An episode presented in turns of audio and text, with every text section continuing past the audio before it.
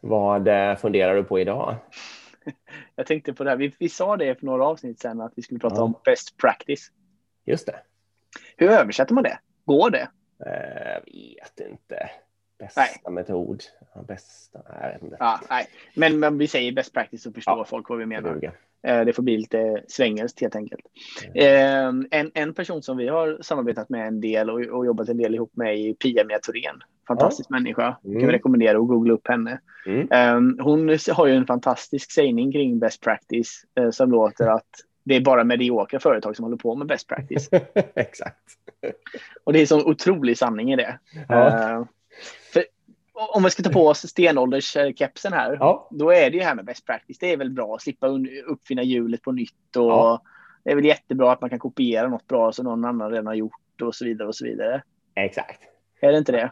Man kommer på det perfekta sättet att göra någonting och sen så beskriver man det skitnoga och sen så kan alla göra likadant och så får man massa fördelar av det.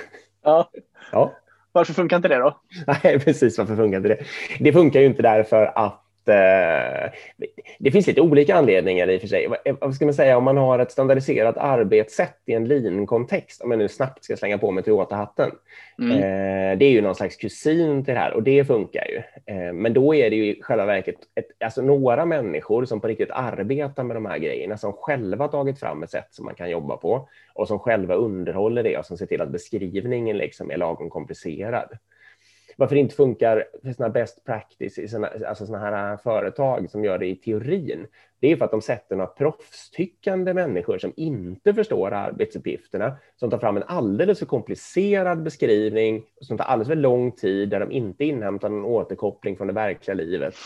Eh, Och fullständigt fastnar i något teoretiskt dravel som är helt oanvändbart. Ja. Det skulle jag säga är min eh, korta beskrivning till varför best practice är fruktansvärt Precis, ja men så är det. Och sen är det ju så med, med alla metoder, liksom, vilken metod du än börjar implementera så borde du innovera och iterera Ja, på den. Liksom. precis. Så, så jag menar, visst, du, teoretiskt kan du ju börja med en metod. Om du tar inom IT-världen som är Scrum då till exempel, Mm. som är mitt utvecklingsmetod. Det är ganska Mm. smart att börja med det om du ska Ja. starta ett nytt utvecklingsteam.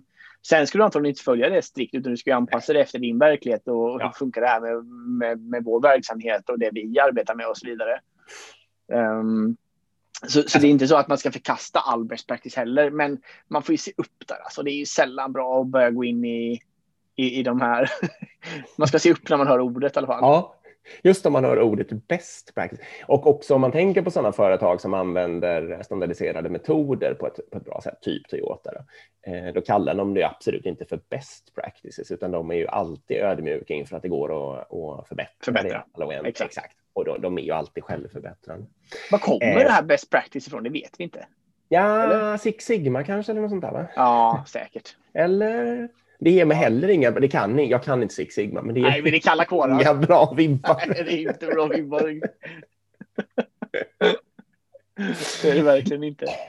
Nej, men jag vet faktiskt inte. Men, men det, som, liksom, det som stör mig framför allt är just det här att det ofta, eh, när det framförs som en grej eller som ett koncept, så är det också som att, de, så att det ska vara lite av Gud givet, liksom, att det är så. Att det är jättesmart att göra det så och man kan inte ifrågasätta det, liksom, för då är man dum och dålig.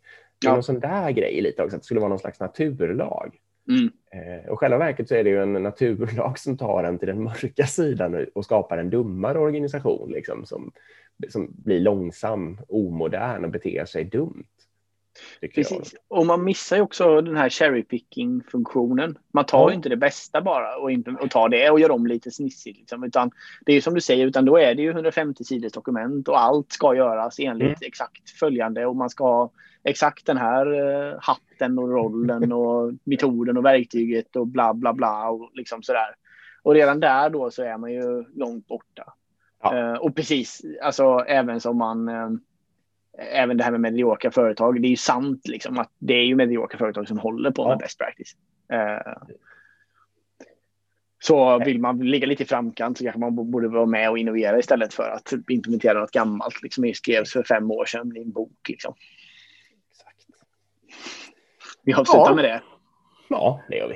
Bra. Lite rant, men så fick det bli. Perfekt. Vi hörs Tack för imorgon. idag. Det gör vi. Hej.